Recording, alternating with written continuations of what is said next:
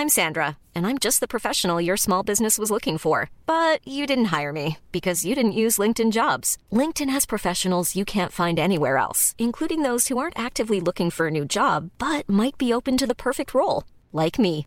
In a given month, over 70% of LinkedIn users don't visit other leading job sites. So if you're not looking on LinkedIn, you'll miss out on great candidates like Sandra. Start hiring professionals like a professional. Post your free job on linkedin.com/people today. Ryan Reynolds here from Mint Mobile. With the price of just about everything going up during inflation, we thought we'd bring our prices down. So to help us, we brought in a reverse auctioneer, which is apparently a thing. Mint Mobile unlimited premium wireless. Ready to get 30, 30, bit to get 30, bit to get 20, 20, 20, bit to get 20, 20, bit to get 15, 15, 15, 15 just 15 bucks a month. So, Give it a try at mintmobile.com slash switch. $45 upfront for three months plus taxes and fees. Promo rate for new customers for limited time. Unlimited more than 40 gigabytes per month. Slows. Full terms at mintmobile.com. Gud vad skönt att få slå sig ner i de här fåtöljerna. Så himla skönt. Det är lite terapi att få komma, komma in och podda så här. Men är det så Du har ju en kjol på dig. Och så här, skinn mot skinn. Då tycker jag att skinnet är kvar på skinnsoffan. Det märker jag inte förrän jag reser mig. Nej, så det är än så länge skönt. Så just nu så är det bara skönt. Njut. Jag njuter. För snart kommer framtiden. Då sitter skinnet kvar där, vet du. Blir det en dubbel skinnsoffa. Jag vill inte förstöra stämningen, men njut medan du kan. Och så Gargamel-skrattet. Ja, gud, jag har så ondskefullt skratt. Alltså, det är hemskt. Men det smittar lite. Ja, gud vad det smittar.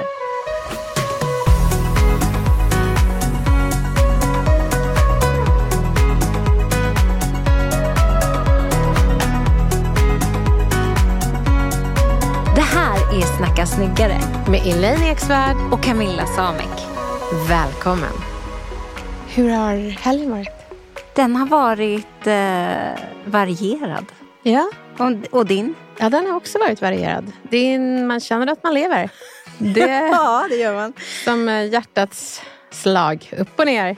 Men, men det har varit också väldigt mysigt. Ja, Men har du, har du lyckats eh, synda sen sist? det har jag absolut gjort. Så Så, vi- eh, så då är det väl dags för en bikt då. Det tycker jag. Mm. Det är din plikt. Eh, Alltså jag har ju tänkt mig en ganska jobbig bikt Åh! den här gången. Eller den är liksom känslosam och svår för mig men jag tycker att den är så viktig. Och jag tänker att jag delar med mig av den. Kör. Nej, Men jag är väldigt duktig på att vara hård mot mig själv och jag är också väldigt duktig på att tänka och säga dumma saker både till och om mig själv. Och det kommer liksom helt automatiskt av bara farten och jag är väldigt medveten om det. Så att det är inte så att jag, att jag inte vet om det. Och det är nästan värre. Mm. Att jag är så medveten. För när jag hör andra säga dumma saker om sig själv så blir jag väldigt illa berörd och tänker så här, men varför säger den personen så himla dumma saker om sig själv? Det finns ju ingen anledning. Men när jag gör det mot mig själv så känns det befogat. På något väldigt märkligt sätt. Och det som gör mig mest ledsen med det här, det är att när jag tänker på lilla Camilla, jag tänker så här, Camilla 12 år. Om hon skulle veta hur jag pratade om mig själv eller tänkte om mig själv så skulle hon bli helt förkrossad. Och lilla jag bor ju i mig själv. Så att jag menar, jag sårar ju mig själv varenda dag, flera gånger om dagen. Och jag vet att om lilla Camilla skulle veta vad jag, vem jag var idag och vad jag hade lyckats med och hur många drömmar jag har lyckats uppnå skulle hon vara så sjukt stolt över mig. Mm. Och det är ju det jag måste utgå ifrån. Gud, vad fint. Men ehm, Och vad sorgligt. Vad ja, det är sorgligt. Jag säger det. Att det är en, en svår bikt för mig. För jag vet att det här är någonting som jag måste jobba med och vill jobba med. Men det är, det är en sån lätt väg att bara vara lite hård mot sig själv. Lite taskig mot sig själv. Det är precis som att det är det jag är bäst på. För jag var ganska hård mot mig själv. Jag har varit ensam med barnen ett tag i helgen. Min man var bortrest. Och allt det man ska rodda med med tre barn och aktiviteter och det ena med det fjärde och någon hade stukat foten och det hade kommit löss igen och det, liksom det ena med det fjärde. Förlåt Elin, Ja, det är så jobbigt det dök där. upp en liten lus till Alla här. mina sympatier försvann lite där med lusen. nej då. Ja, nej, ja, det får inte klia det, det är så taskigt. Men det, mm, Och då kan jag ändå bli så här... Eh, att jag ändå kan bli så här taskig mot mig själv. Det är inte så att jag tänker så här, snyggt roddat Camilla. Bra jobbat, du gjorde ditt bästa. Utan det är så här, men du kan inte äta en bulle till lunch. Det blir inte bra för dig. Nu glömde du köpa den där presenten. Det var ju kalas. Du har vetat det här i tre veckor. Eller, nu är det så jädra stökigt igen. Jag plockar och plockar och plockar och det ser ut som hej, kom och hjälp mig. Varför kan inte jag bara ha ett städat hem? Nej, nu har jag glömt att tömma tvättmaskinen. Nu har tvätten legat där i två timmar. Fan vad dåligt. Du hör ju hur elak jag låter. Ja, men jag tycker det är så fint att du inser det. Men du tänker det? Jag du, tänker du det. har de här tankarna? Ja, ja, alltså de mal på. Ja. Och det är sällan jag tänker så här, men vad snyggt att du eh, räddade det här med födelsedagspresenten. Att du ändå hade koll innan hon gick på kalas. Att hon kom dit finklädd. Att du lyckades, att du hade lusmedel hemma och kunde behandla henne. Att du eh, har lyckats hänga med din son på tre fotbollsmatcher. Att du eh, fixade god mat till barnen. Nog för att du tryckte i dig en bulle, men barnen fick ju god mat. Att, att ja men okej, du plockar och plockar och plockar och det är stökigt. Det är en barnfamilj. Det ser ut så hos barnfamiljer. Att jag, alltså jag måste, och det är det som blir bedriften, att från och med nu så börjar jag en ny resa. Mm. Och det är en resa där jag försöker vara lite snällare mot mig själv. För jag tror att jag kommer må mycket bättre och jag tror att det kommer förändra mig. Mm. Man behöver inte vara så hård mot sig själv. Och framförallt lilla Camilla, 12 år. Jag, jag, vill liksom, jag vill känna att hon ler och är stolt över mig. Jag vill inte, jag vill inte göra så här mot mig själv längre. Nej. Nu måste jag gråta lite. Nej, Får jag så här förvridet ansikte? det får man när man gråter. Men, nej, men jag är också Jag är lite speechless. Och jag är ändå retoriker. Hopp. Det var ju väldigt berörande. För då ska vi eh, sitta här och gråta Ja, nu. men jag tror det. ja, men alltså, det känns ju som att du har kommit på världens mindhack för att vara snäll mot sig själv. Jag, jag kom ju på ett mindhack för att stå upp för mig själv och det har jag nog berättat några gånger att jag visualiserade en, eh, en framtida dotter som jag inte hade då för jag var så dålig på att stå upp mot eh, buffliga typer. Men så fick jag liksom visualisera en framtida dotter och bara, om någon hade varit som att hända då, jag bara, nej nu räcker det. Så på så sätt lyckades jag lura mig själv och stå upp för mig själv. Alltså tänk om barnversionen av oss skulle se in i framtiden och hur, vi, hur elaka vi är mot oss själva efter en förlossning och pratar om att jag måste gå ner i vikt eller herregud vad gammal jag blivit. Och, alltså, man skulle bli helt förtvivlad och så skulle man nog hålla käften och säga snälla saker för att få det där barnet att få, få känna att framtiden är ljus. Ja, alltså för att när jag är i farten och säger något elakt om mig själv, då håller jag tyst för att jag inte vill att mina barn ska höra. Men jag tror ju på något sätt att sånt där pyser ut ändå och jag tror att det är mycket finare för barnen att se en mamma som tycker om sig själv och peppar sig själv än någon som hela tiden trycker till sig själv. Så nog för att jag funderar på hur, vilken retorik jag har framför barnen. Men, men för mig själv har jag aldrig känt liksom att jag vill begränsa det här. Men nu vill jag det. Och man vill ju också att ens barn ska vara snälla mot sig själva i framtiden. Ja, det är ju det. När man är sådär skröplig då vill man ju inte att de ska hålla på, Åh, varför åt jag den där bullen, jag är inte klok och så vidare. Och att man, att man lär sig själv att sluta ställa frågan varför. För varför gör jag en arg? När man, I alla fall när jag säger till min partner, varför har du inte gjort det här? Tänk om jag bara kunde visa förståelse. Bara, har, har du mycket? Hur mår du? Eh, inte undra på vilken tur att jag kom ihåg det här kalaset. Jag har haft så mycket de senaste tre veckorna istället för att jag har vetat i tre veckor. Det finns väl skäl till att man har haft så mycket med tanke på allting jag har fått rodda och lösa. Så mindes jag det och det löste sig. Hurra!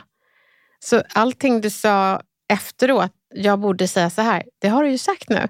Och det var så fint att se dig för du började lysa upp. För det finns ju studier som visar på att det vi säger till oss själva påverkar oss själva på samma sätt som om någon annan sa det. Och det var så fint att se skillnaden. Hur man blev ledsen när du pratade om hur du pratar med dig själv och även du. Men sen när du peppade, då bara... det sprider sig den stämningen tror jag, för andra också. Jag, jag tror det. Jag är nästan helt övertygad, men vi får väl se. Ja. För jag gillar ju inte när någon annan säger taskiga saker om sig själv heller. Det sprider ju ingen positiv energi och jag tänker så men oj, varför säger hon så här om sig själv? Mm. Och tycker att det är så onödigt.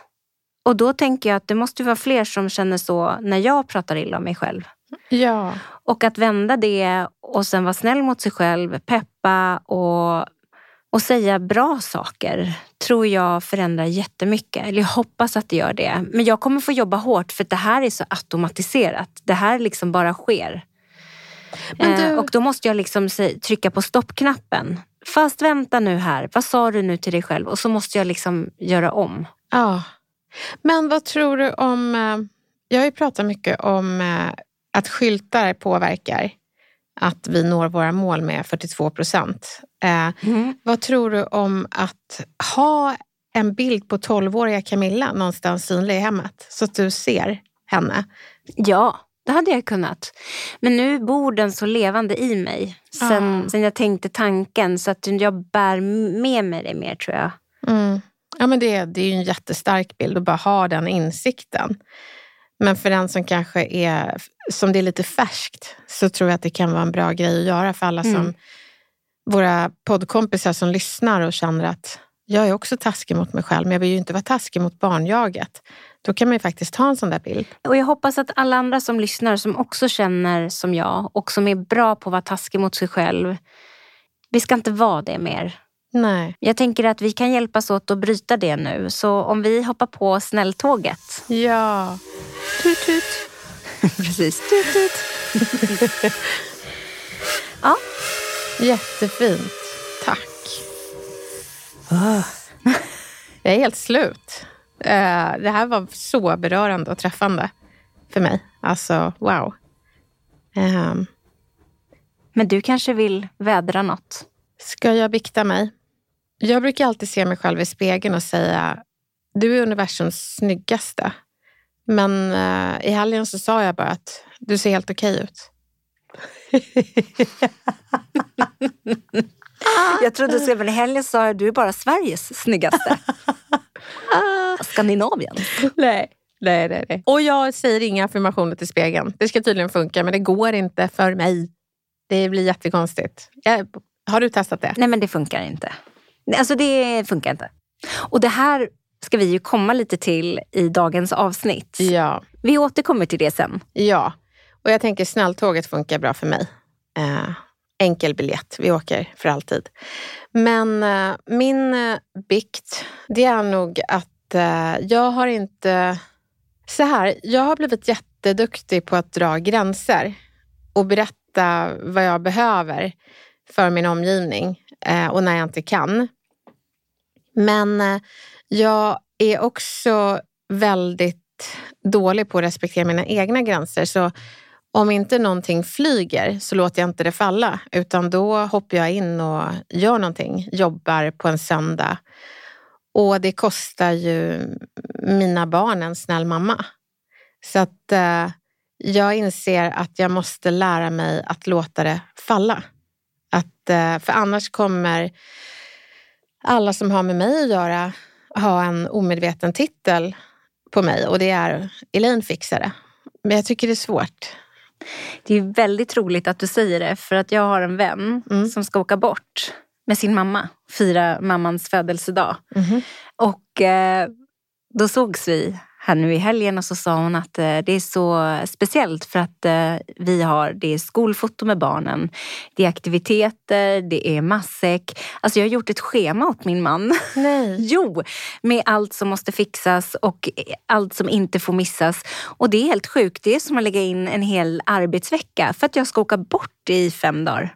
Ibland måste man bara låta folk falla. Och då sa hon precis det du säger. Egentligen borde jag bara låta det som sker ske. Ja. Men jag kan inte. Nej. Och jag tror att det finns en hel befolkning som jag skulle vilja döpa till tar ansvar-befolkningen. Vilket gör att alla räknar med en. Och vad händer då? Jo, mitt energikapital tar slut och jag blir sämre människa mot mig själv. Det är svårt att åka snälltåg. Och uh, mot uh, andra. Man betraktas inte som så snäll. Och då är, det, då är frågan, är det värt kostnaden? Och det är det inte. Så min bikt är att jag eh, räddade eh, vissa situationer på jobbet. Vilket gjorde att jag blev en jävla dålig mamma.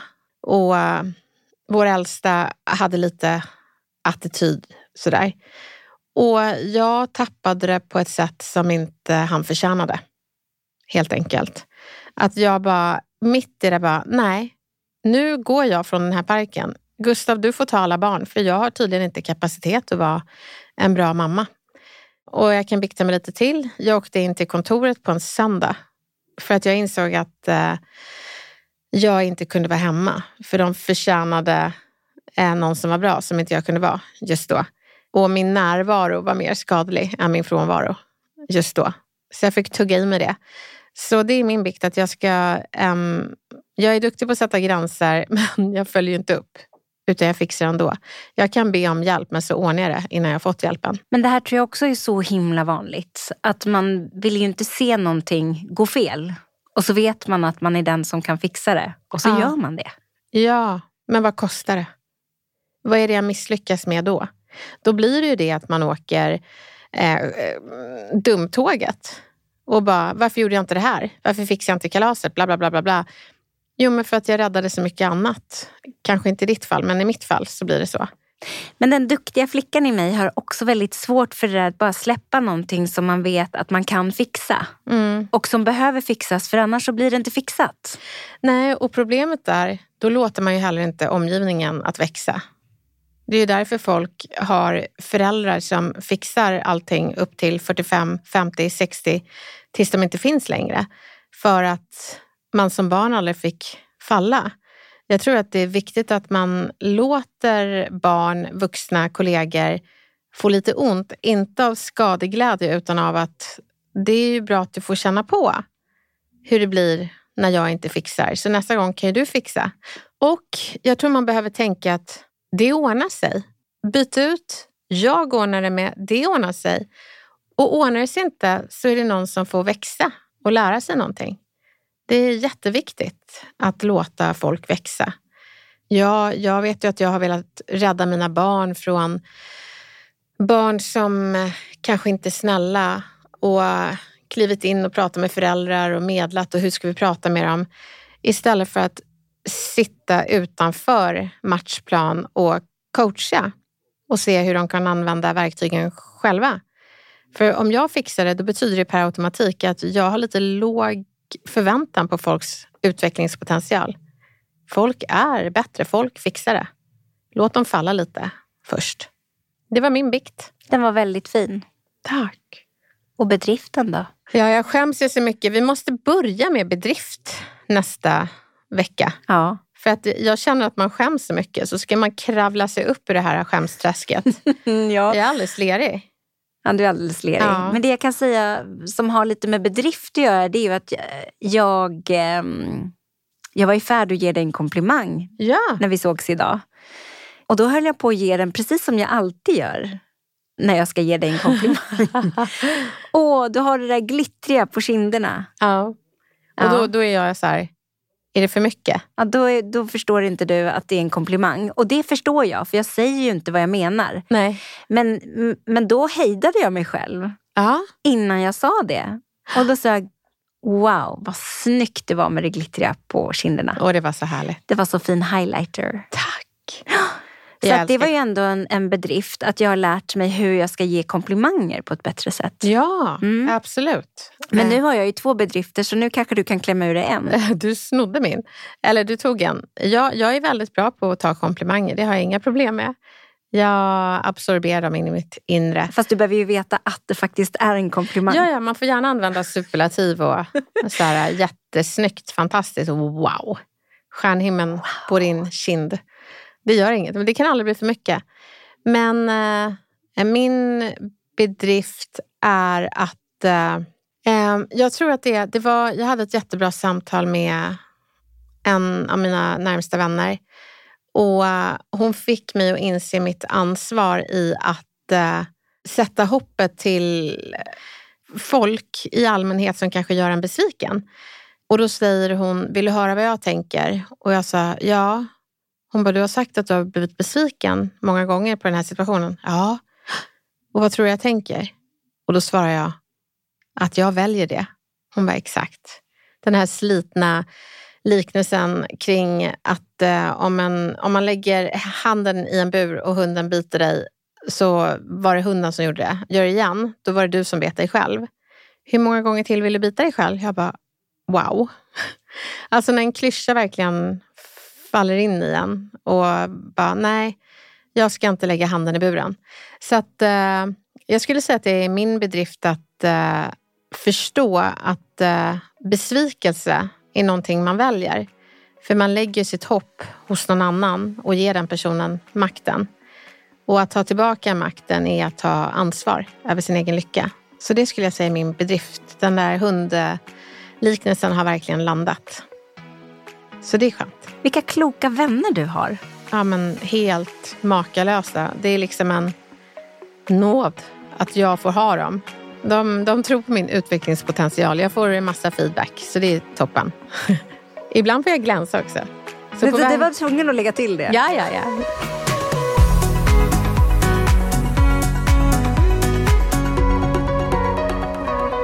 Jag vet inte, det är inte så ofta man får sitta med en, en retorikexpert så här så jag tänkte ta tillfället i akt och fråga. Bara två gånger i veckan de senaste fyra åren. Ja. men oj vad jag lär mig. Ja.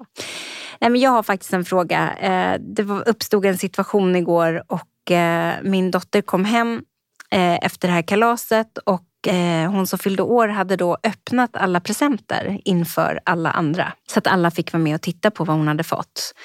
Och när hon öppnade då min dotters paket, som jag bara vill säga att vi också gick runt och letade efter precis det vi trodde att hon skulle bli så glad för. Jag tror att vi, vi gick runt i massa olika butiker och Eva bara, nej men eh, jag tror att hon vill ha något mer så här eller så här. Det här tror jag att hon skulle bli jätteglad för. Hon la ner sin själ i den här presenten, mm. vill jag bara tillägga. Varpå en annan unge kommenterar när hon öppnar paketet och säger, gud vad fula. Så istället för att jag skulle då få hem en glad dotter som hade varit på ett jättekul kalas så kom hon hem i tårar. Alltså hon hade lagt ner så mycket i den här presenten. Eller vi hade både lagt ner tid och energi på det här. Och då försökte jag bara, apropå att jag behöver lite hjälp nu i vad jag egentligen borde ha sagt. Men det jag sa var, först svor jag några gånger. Åh, vad härligt. Ja, för jag blev så jävla förbannad. Och jag tror att barn behöver sådana ärliga reaktioner istället för det vi fick höra. Ja, men hon menar nog inget illa. Fast det gjorde hon. Ja. Så att det känner jag bara så här, det, det. Men då sa jag så här, var du nöjd med presenten? Ja. Kändes det bra för dig att ge henne den presenten? Ja mamma, jag var ju jättenöjd. Tror du att hon blev glad för presenten? Jag vet inte, hon sa bara tack. Nej men okej, men då gjorde du ditt bästa. Spelar det då någon roll om någon annan sitter och säger gud vad fult? Tror du att hon egentligen tyckte det eller var hon kanske lite avundsjuk på det som låg i det paketet? Mm. Det här barnet är motsvarigheten till såna här äh, karriärmänniskor som använder människor som trappa för att klättra upp. De vet att de inte är tillräckligt bra, så då måste de göra andra sämre. Väldigt spännande. Men barn liksom? Ja, det är ju där det börjar. Och jag tycker du sa jättebra saker till din dotter. Jag hade ju tagit det steget längre. Vad hade du sagt? Jag hade kontaktat föräldrarna och sagt att eh, jag hade kört skyll på dig själv-metoden och sagt att mina barn jag missar hela tiden och då vill jag verkligen ha chans att hjälpa dem att utvecklas. Och alla barn menar väl och ibland blir det fel. Eh, och jag säger det här med de bästa intentionerna. Min dotter hade letat hela helgen och var så nervös och såg fram emot det här kalaset. Och sen uppstod det en situation då din dotter sa var ful när de öppnade. Eh, jag tänkte bara berätta det eh, så att ni vet. För min dotter blev ju ledsen. Och, och skulle det hända någonting så ring mig och berätta. Min dotter kommer säkert göra bort sig också, säger man. Mm. Eh, för jag tycker att man ska ge folk chans att utveckla ens barn. För att jag får ju se en version av mina barn, men jag måste ändå som förälder vara öppen för att folk får se andra. För det är så många föräldrar som säger, mitt barn skulle aldrig... Man bara, hur vet du det? och bara förklara vad, vad den här flickan förlorar i vänskap. Jag menar, din dotter kanske skulle vara den här äh, vännen som skulle stötta henne i svåra tider eller är källan till det självförtroendet hon skulle kunna få istället för att trycka ner andra. Så jag tänker mer att man ringer med intentionen, inte om att säga att du är en dålig förälder eller din dotter är fel, utan det här kan bli fel för henne. Så det, jag, jag skulle ringt den föräldern i all välvilja. Och där är också någonting som jag och min man måste jobba lite på. För nu var min man så att jag ringer. Ja. Han plockade upp mobilen och så sa han, nu ringer jag. Så. ja. Och då blir hon så här, nej, gör inte det, gör inte det, det blir bara värre. Jag, jag, hon såg inte att jag blev ledsen. Så att då, då menade hon liksom att hon borde ha sagt någonting själv först innan vi ringer till föräldrarna. Det tycker jag också är fint, att hon någonstans vill markera innan man får en så att säga hemringning. Ja, men ge henne chans Ja. att liksom sätta gränser och inte rädda henne. Ja, och då har vi pratat om att det kanske är viktigt att hon säger hur hon känner då. Och kanske inte just då, hon kan komma tillbaka som idag och säga du, jag blev faktiskt väldigt ledsen när du sa så här. Det vet inte jag om hon kommer våga göra och om jag ska vara helt ärlig så hade det tagit emot så mycket att ringa till de här föräldrarna och säga det här. Alltså jag, när du säger det så låter det så klockrent. Jag hade nog behövt stamma fram någonting.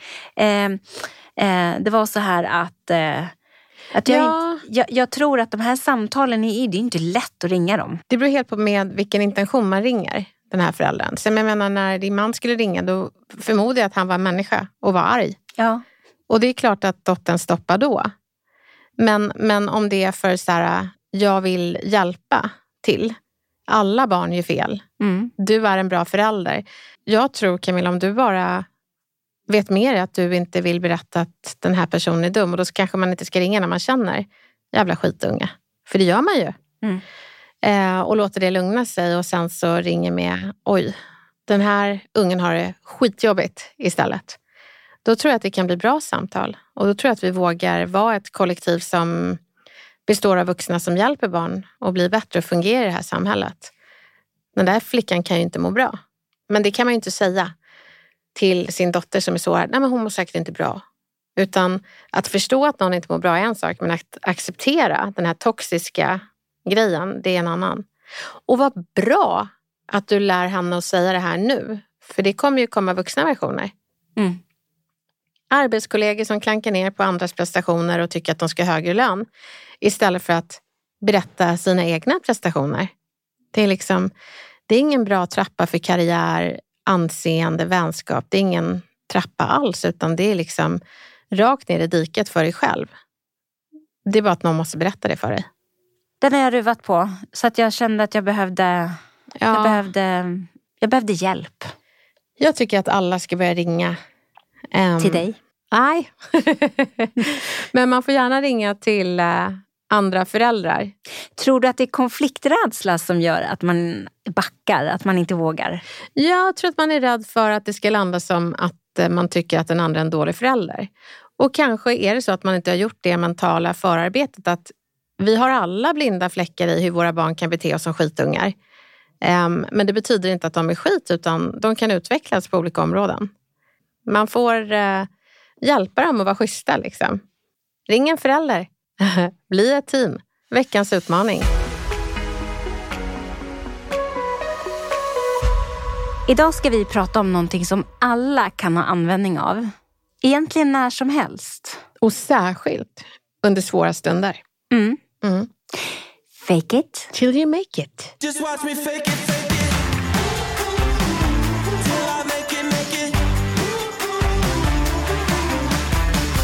Men jag har en evolution på det här. Va? Ja, man har alltid sagt fake it till you make it. Men egentligen så handlar det om fake it till you feel it. Ja, Ja, såklart. ja. Men det låter inte lika härligt. Jo då. Jo då. Mm. Nej, För grejen är man behöver förstå magin i att när man är nervös men lägger till ett självsäkert kroppsspråk så kommer nervsystemet påverkas så till den grad att du känner dig självsäker efter en stund. Och bonusen blir ju I made it. Det är det som är så bra. Men jag tycker att vi ska ha en ambition av att känna oss bra istället för att behaga ett resultat. Det är mer självkänsla på det. Att wow, jag övervann den här obehagliga känslan genom att eh, påverka mitt kroppsspråk. Så fake it till you feel it. And it feels good. It feels good, good, good. Yes, it feels right, right, right. Oh, it feels good, good, good. So I'm gonna lay back and let it ride. Oh, let it ride, boy. Hey, I'm Ryan Reynolds. At Mint Mobile, we like to do the opposite of what Big Wireless does. They charge you a lot, we charge you a little. So naturally, when they announced they'd be raising their prices due to inflation, we decided to deflate our prices due to not hating you. That's right. We're cutting the price of Mint Unlimited from $30 a month to just $15 a month. Give it a try at mintmobile.com slash switch. $45 upfront for three months plus taxes and fees. Promo rate for new customers for limited time. Unlimited more than 40 gigabytes per month. Slows. Full terms at mintmobile.com. I'm Sandra, and I'm just the professional your small business was looking for. But you didn't hire me because you didn't use LinkedIn jobs. LinkedIn has professionals you can't find anywhere else, including those who aren't actively looking for a new job but might be open to the perfect role, like me. In a given month, over 70% of LinkedIn users don't visit other leading job sites. So if you're not looking on LinkedIn, you'll miss out on great candidates like Sandra. Start hiring professionals like a professional. Post your free job on linkedin.com/people today. Men om vi backar bandet lite. Ja. Vad är det? Fake it till you make it. Det är att man lägger till ett kroppsspråk som inte harmoniserar med hur du känner dig, men signalerar hur du vill känna dig. Och då klarar du av utmaningen. Som att du eh, låtsas att den heta stolen vid en eh, arbetsintervju är den där bekväma fåtöljen hemma. Och så funderar jag lite på, hur har jag kroppsspråket där? Du behöver kanske inte se precis ut så, eftersom det är ett professionellt sammanhang. Men du kan i alla fall känna så. Som att eh, när du eh, går på ett mingel, någonting som jag avskyr, att du då har på dig mentala tofflor och myser omkring. Det påverkar, för klädsel påverkar ju jättemycket. Jag såg dig vandra omkring med så här pyjamas och snuttefilt. Ja, nej men alltså, ja, Och lite så här sovhatt. Sovluva. ja, jag har ju en sån. Ja, jag vet. Hur vet du det? Ja, vi har spelat in podd och du skrattade så mycket. Det var liksom inte TV4 Elaine. Nej, Nej. det var något helt annat. Ja. Åh, vad roligt det vore. Ja. Men när tycker du att man ska använda sig av det här? Fake it till you feel it. I, först behöver man kartlägga alla situationer som är obekväma. Mm, du kanske älskar fester. Eh, det är ju inte jag, jag älskar dansgolv. Gillar du dansgolv Camilla? Alltså jag gjorde det nog förr. Ja. Men om vi kartlägger, vi gör det. Vi gör en kartläggning. Vi- Vilka situationer tycker du är jobbiga? Jag tycker det är sjukt jobbigt att prata inför folk. Jaha.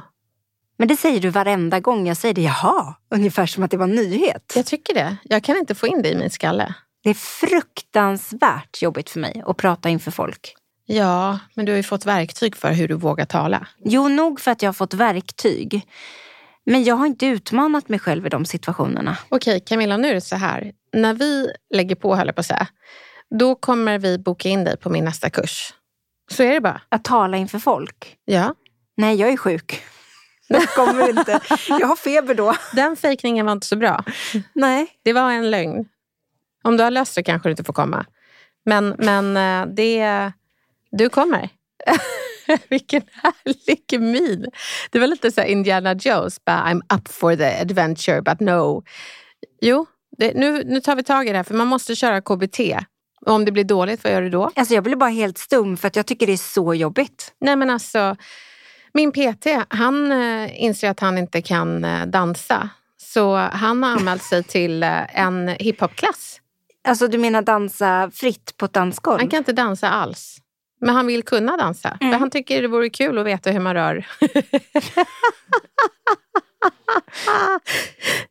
rör höfterna så. Och han är så himla härlig som bjöd på det här. Han, ja, vi går en dansklass tillsammans nu. Jag kunde inte komma i söndags för jag var ju på ett kontor och räddade människor. Men kastade ut David i diket. Så han sa det, ja inte nog med att det var hiphop utan det var också för 30 plus, nybörjare.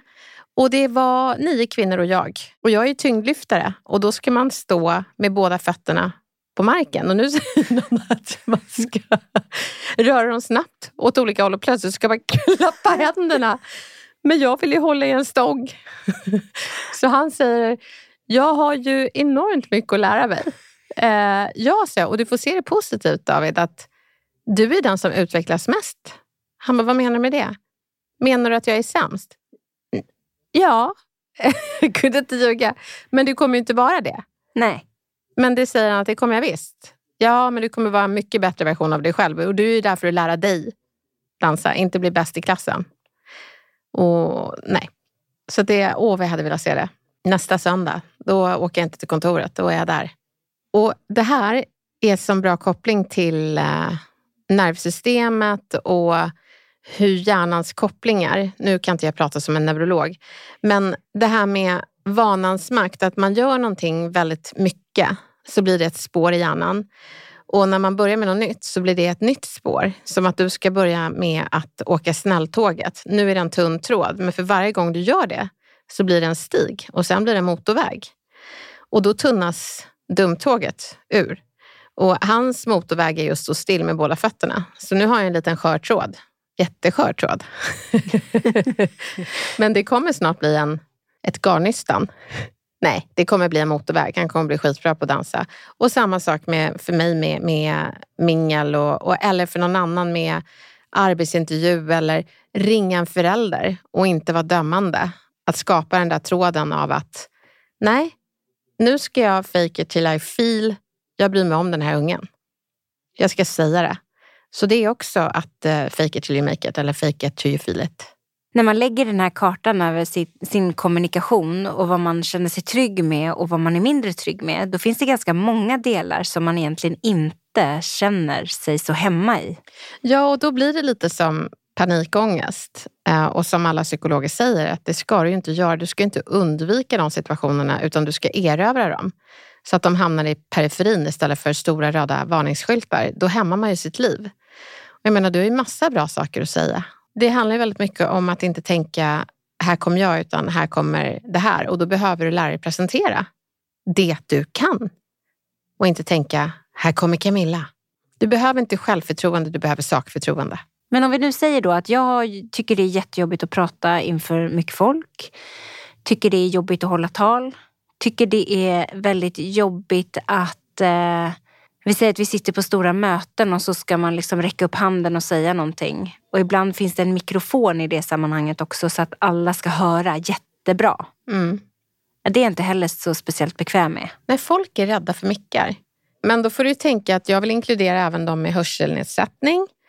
Det handlar inte om att min röst är i fokus utan folk får ta del av det jag säger, exkluderingen. Um, så det man kan göra är att skapa låtsaslägen innan skarpt läge. Som jag tycker arbetsintervjuer är jobbiga så ber jag någon kompis vara djävulens advokat och ställa alla jobbiga frågor. Um, så att man är lite varm i kläderna när det väl gäller. Men det blir väldigt svårt för mig att låtsas mingla med så här, fantasimänniskor. Stackars All, mina... Varje spegel är en ny person. Ja men hej Claes, det var länge sedan. Ja, gud. Ja, Oj. men Johanna, di, alltså, vi sågs väl... Jaha, ja, var det så? Spännande. Så mingel kan jag inte rekommendera att man gör själv utan att man tar dit några vänner som pratar om de här sakerna man kanske inte tycker det är så kul att prata om. Och så får man öva sin fake-faktor och bara Fast det är också svårt för att då känner du ju dem. Alltså det jobbiga med att mingla, det är ju att man vandrar runt någonstans och inte riktigt vet vart man ska ta vägen. och hittar en osynlig stig. Folktom sådan. Men jo, jag tror att det går. Om vi testar. Kör, kör riktigt kallprat här. Nu är vi på ett mingel. Alltså så himla fint väder idag. Ja, verkligen. Det var så himla härligt att eh, sommaren kom. För det har ju varit så himla dåligt väder i, i augusti. Och jag tog ju semester då. Ja, det regnade ju bort. Ah, så jobbigt. Så tråkigt. Men reste ni någonstans? Nej, det gjorde vi inte. Nej. Nej, det regnade och regnade. Ja, men det är så jobbigt. Skjut mig. Nej, men det här är hemskt. Jag har inte råd med såna här samtal. Jag vill ringa SOS. Nej, men jag vill, jag vill ta med tröjan. Alltså jag får ångest. Kolla vilken fin bh jag har. Alltså jag får sån ångest. Jag får sån ångest. Jag får på riktigt Vad är det med dig och dina bh? Kan du Jag sluta? bara, alltså jag behöver, behöver inte ha med det här på film. Men jag måste ta med det här. Det här går inte. Jag kan inte ha det så här. Jag får en riktig panikångestattack. Man måste också veta när man ska... man måste också veta sina gränser. Ibland kanske man inte ska göra KBT eh, överhuvudtaget. Det där var riktigt jobbigt. Jag gav mitt allt. Jag sa ju bara att det var lite fint väder. Ja, det var, jag spann ju vidare. Jag, jag grävde... Du var ju bra på det. Ah, eller hur? Mm. Så till och med jag kunde lyckas med det. Eh, jag tror- Men, men du var inte fake it till you feel it, för nu blev du så svettig att du var tvungen att ta av dig kläderna. Ja, och min poäng med det är det är inte alla områden man ska vara i. Jag är ju rädd för insekter och jag går inte på kräftskivor för jag tycker det ser ut som stora insekter. Och då säger folk, ska du inte ta KBT? Jag bara, nej, för jag vill inte umgås med insekter. Det är fine. Jag tycker mitt liv är rikt utan kräftor. Varför får du För kvällningar? att det är äckligt. Snart kommer jag sitta här utan byxor också. Så det finns vissa saker man inte ska utmana med fake it till you make it. Om livet inte blir rikare och det faktiskt inte ger någonting, utan du känner bara att eh, nu gör jag en uppoffring, då är livet, ditt liv någonting annat. Om det skulle vara givande, Mm. då är det värt. Ja, och jag tänker att, eh, att presentera för dig är ju givande. Mm. Om du inte skulle känna att det är läskigt och så vidare, så skulle så många fler känna till hur briljant du är. Eh, och om David vill kunna klappa händerna och röra fötterna snabbt i takt med sin fru, eh, så är det toppen. Men mitt största problem när man pratar om det här fake it till you make it, det är att vi ofta säger att man måste känna att man är autentisk och att det måste kännas på riktigt och att går man in i ett sånt här fake it till you make it mode så är man ju så fokuserad på att, att det ska kännas rätt bra eller vad man nu vill att det ska kännas. Att man tappar bort det personliga i det. Jag tror att det personliga kommer, men man är ju aldrig en bra person om man är nervös. Så jag tänker på den där dejten där man sitter och känner att gud, vad ska den här personen tycka om mig? Att man istället ser självsäker ut, lutar sig fram och bara berätta mer om dig. När man eh, är nervös om man ska få jobbet så försöker man visa hur eh, spännande det verkar vara och ställer frågor. Så att man inte läcker osäkra känslor. Och där är genvägen att eh, använda kroppsspråket för att eh, känna sig mer självsäker. Att man inte håller armarna i kors och gör sig själv mindre utan faktiskt sträcker på ryggen och eh, ler. En sån grej. Att vi ler påverkar oss jättemycket. Camilla, jag börjar tejpa munnen på nätterna. Va? Ja, efter jag läste James Nesters bok eh, The Forgotten Art of the Breath, tror jag att den heter. James Nestor andning, näsandning. Och då är det så att vi har mer syreupptagning via näsan så att egentligen så ska vi inte alls andas genom munnen.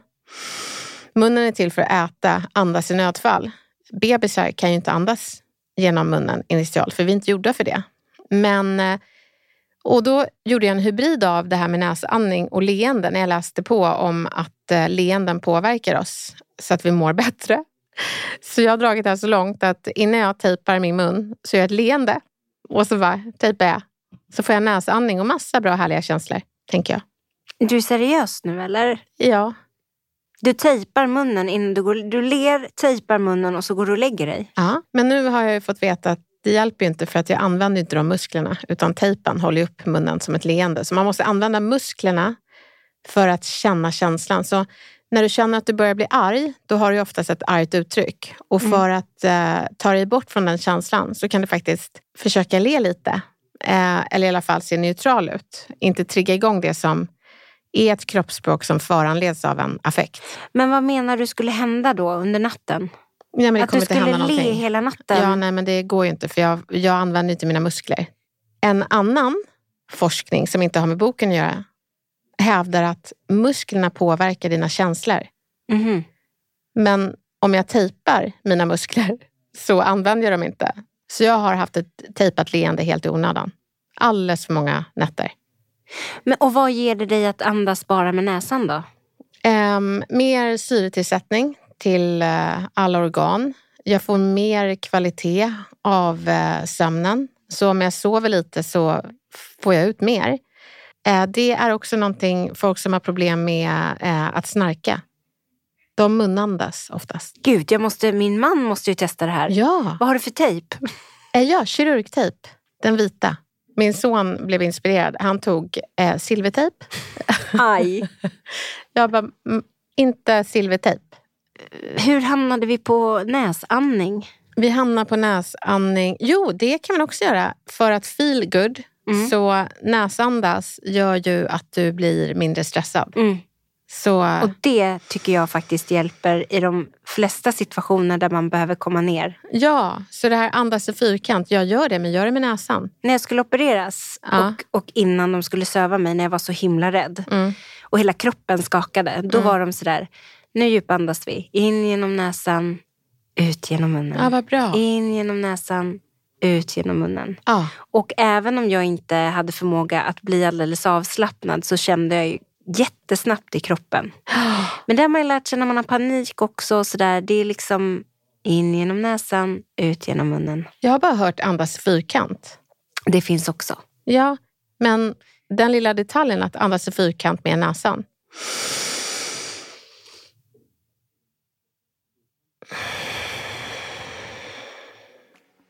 Jag blir ju så trött. Jag vill ju bara gå och lägga mig. För att det är parasympatiska systemet, alltså PIS. Sympatiska systemet är stress. Då, är, då andas man fort. Varför man ska använda fake it till you feel it, det är för att erövra de områdena som begränsar ditt liv. Som är, åh jag skulle vilja göra det här, men jag vågar inte. Jag vill, men jag vågar inte. Och då är de här tipsen så himla bra. Men blir det inte då som att jag ska spela en roll? Initialt blir det det. Men inte spela en roll av någon annan person, utan spela en roll av självsäkra Camilla. Det är det. Och den bästa personen du kan studera då är dig själv i självsäkra situationer. Hur är jag när jag vet vad jag pratar om? Vad har jag för kroppsspråk? Jag fejkar fram det så jag känner mig självsäker. Men att du ska försöka vara, jag vet inte, Michelle Obama vid ett FN-tal. Det blir ju bara Birgit Friggebo för de som inte har den referensramen, We shall overcome. En dålig kopia. Hon sjöng den i Rinkeby på 90-talet. Kopierat av Martin Luther King, 60-tal. Kopiera inte, inspireras. Av dig själv. Jätteviktigt. Så det finns så många situationer man kan använda det här på. Men jag kan inte säga vilka, för det är bara du som kan lägga kartan över jag vill, men jag vågar inte platser. Och då använder de här verktygen. Och Sen är det också så att kroppsspråket får ju sig en ordentlig skjuts av tanken. Så när man är rädd för att ringa den här föräldern för att tänk om personen blir dömd, att man byter den tanken med tänk om den här personen blir hjälpt. Då kommer det höras i ditt röstläge, det kommer kännas i stämningen och ditt kroppsspråk kommer vara mycket vänligare inställt. Istället för att ringa i affekt när man är arg. Då är det klart att man blir rädd för en konflikt för att det blir det när du är arg och vill döma istället för att hjälpa. Man vet ju inte om det, men det är ju så det blir. Så kroppsspråk är viktigt, tanken är jätteviktig. Andning är viktig. Och också kläder, det har vi pratat om många gånger. Men att du kanske inte tar på dig de här tofflorna som man kan använda mentalt. Men ändå dra på dig någonting som i alla fall känns bekvämt i en obekväm situation. Någonting du äger och som gör att du känner dig snygg och trygg.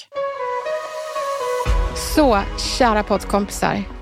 Om du känner att det finns situationer som du undviker, ställ dig själv frågan, skulle mitt liv bli rikare av det här? Vill jag, men vågar inte? Då är det värt att kartlägga, jag vill men jag vågar inte platser och använda tipsen så att du erövrar de här områdena och får ett rikare liv. Fake it till you feel it, then you will make it. Vi hörs. Vi hörs.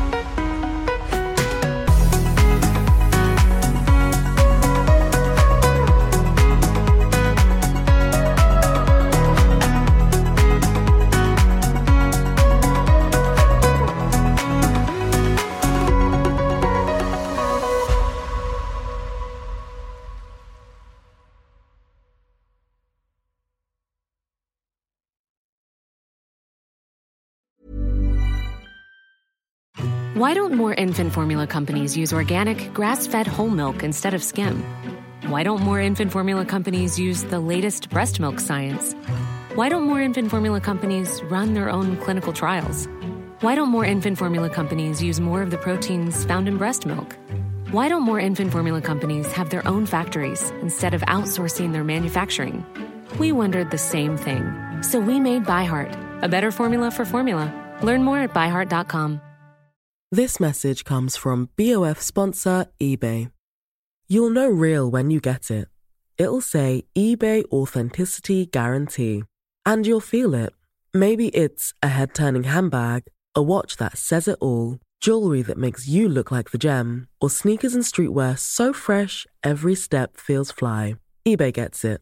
So look for the blue check mark next to that thing you love and be confident that every inch, stitch, sole, and logo is checked by experts.